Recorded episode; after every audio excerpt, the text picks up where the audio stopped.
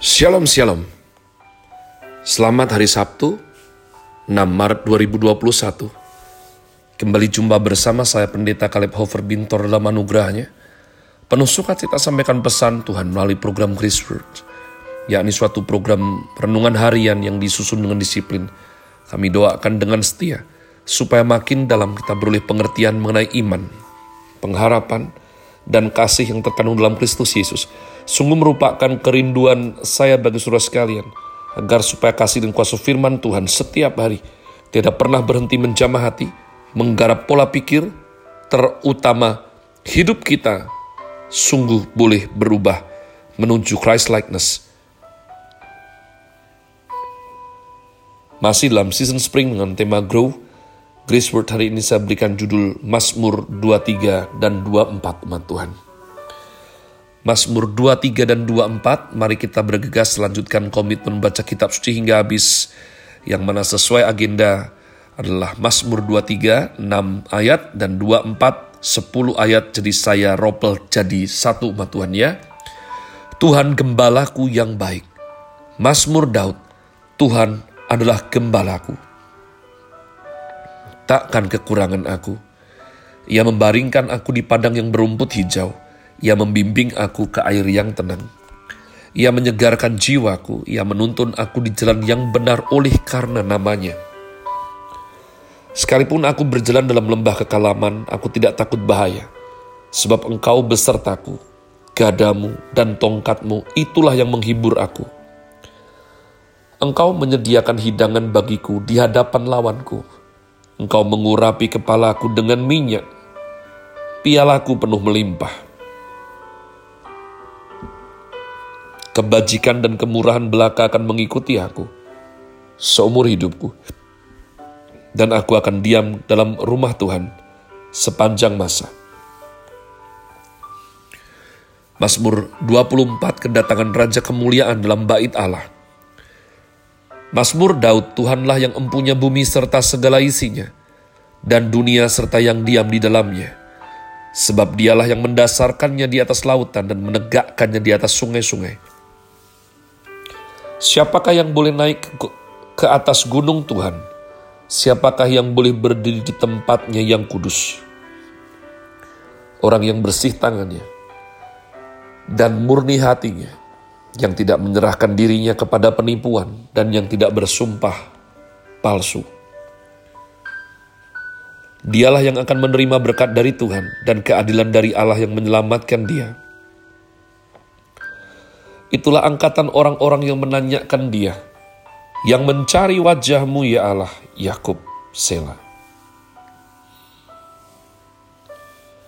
Angkatlah kepalamu hai pintu-pintu gerbang dan terangkatlah kamu Hai pintu-pintu yang berabad-abad, supaya masuk Raja Kemuliaan.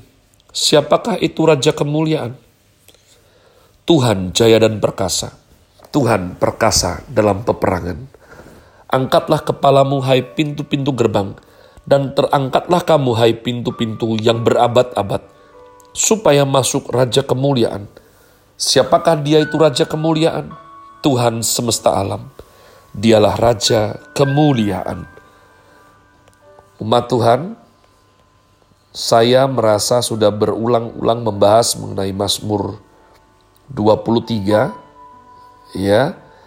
Maka pada kesempatan kali ini saya akan berbicara lebih banyak mengenai Mazmur 24. Mazmur 24 selain daripada 23 sifatnya unik.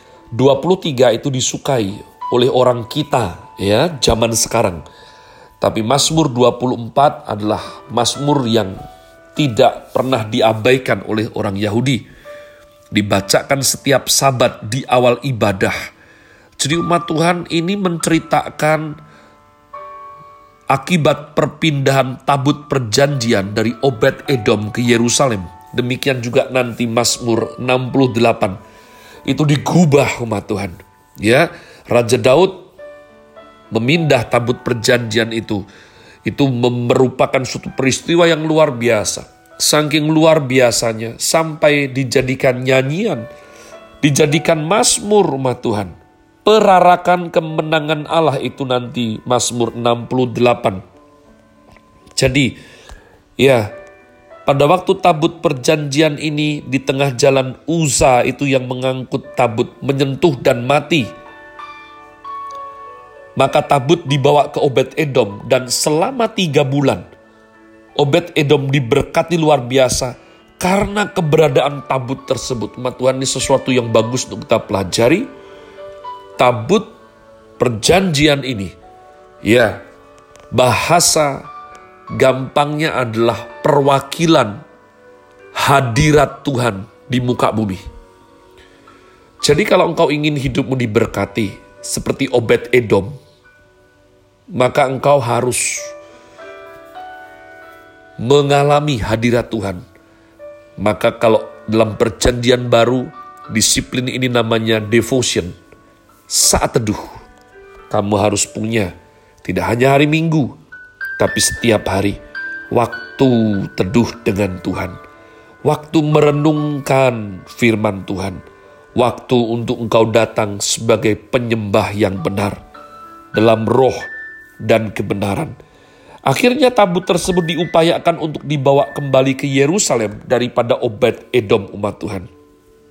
Oleh karenanya ini peristiwa yang sangat penting Raja Daud sangat bersuka cita sampai menari-nari luar biasa sekali.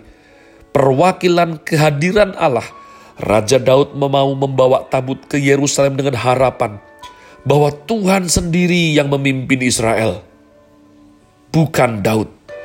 Dan ini sebetulnya senada dengan isi hati Tuhan, sebab sesungguhnya kalau Israel tidak minta raja, Tuhan sendirilah raja atas Israel. Tapi sayangnya mereka mau seperti bangsa lain sehingga ada Saul. Daud rohnya lain. Daud itu dalam ketidaksempurnaan. Dia satu frekuensi. Kenapa? Karena Daud penyembah. Ya, dia menikmati hadirat Allah. Dia menyembah dengan tulus. Bukti bahwa kitab Mazmur itu ada, saudaraku kau perhatikan setiap daripada fatsal dalam kitab Mazmur 150 fatsal. Ditulis dari curahan isi hati. Baik kemenangan baik curhat daripada Raja Daud baik isinya dosa-dosa Raja Daud teguran Tuhan atas Raja Daud ditulis dinyanyikan dimasmurkan umat Tuhan. Jadi Raja Daud rindu Tuhan datang di Yerusalem. Ya maka daripada itu saya serukan untuk kita ini bersyukur yang di perjanjian baru. Sebab perwakilan kehadiran Tuhan, kehadiran Tuhan dalam hidup kita anak-anaknya itu tidak hanya dalam bentuk tabut perjanjian lagi. Ya, karena dengan korban yang sudah sempurna tersebut, kita semua bisa mengalami hadirat Tuhan di mana pun nama Tuhan Yesus disebut. Namun pada saat itu, Allah yang memimpin Yerusalem. Seluruh rakyat harus taat pada pimpinan Tuhan yang diwakili oleh raja yang dipilih Tuhan. Itulah kerinduan Daud, umat Tuhan. Dan apa pentingnya buat kita, saudaraku, ayat yang ketiga ini dalam rangka kerinduan daripada Daud bahwa Tuhan memimpin Israel secara langsung daripada Yerusalem maka ayat yang ketiga terlihat. Orang Yahudi mengangkat pujian ini sebagai pengantar ibadah. Mazmur ini merupakan pengingat apakah kehadiran kita di rumah Tuhan pantas, layak, tahir atau tidak. Jadi umat Tuhan, ayat yang ketiga berkata, ya, siapa yang boleh naik ke gunung Tuhan? Siapa yang boleh berdiri tempatnya yang kudus? Maka biarlah kita memakai ini juga setiap kali mau datang ke rumah Tuhan. Atau setiap kali kita saat teduh menyebut namanya, berdoa, dan menyembah dia. Yang bersih tangannya, yang murni hatinya, yang tidak menyerahkan dirinya kepada penipuan, yang tidak bersumpah palsu. Biarlah syarat-syarat ini selain daripada protokoler akademi corona covid saat ini, ini yang kita perjuangkan umat Tuhan. Tangan bersih, amin.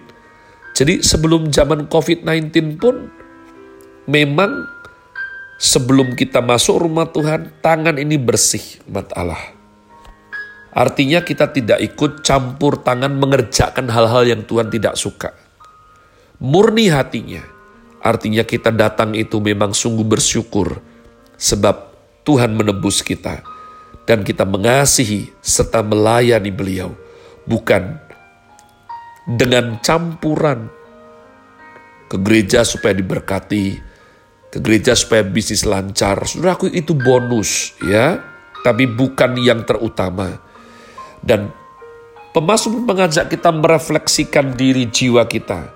Apakah selama seminggu ini kita menyerahkan diri kepada penipuan, bisnis yang tidak bagus, bisnis yang tidak berkenan di hati Tuhan, jangan. Dan jangan bersumpah palsu. Nah, pemazmur memberikan berkatnya umat Tuhan. Ketika kita datang di hadirat Tuhan dengan semua hal yang di ayat 4 tadi, dialah yang akan menerima berkat dari Tuhan. Bukankah ini kerinduan kita di masa seperti ini? menerima berkat dari Tuhan dan keadilan dari Allah yang menyelamatkan dia. Sungguh tidak enak rasanya menerima ketidakadilan. Bagaimana menerima berkat dan keadilan Tuhan? Masuklah ke hadiratnya dengan tangan yang bersih, hati yang murni. Tidak ikut serta dalam penipuan dan tidak bersumpah palsu. Have a nice day. Tuhan Yesus memberkati saudara sekalian. Sola. Grazie.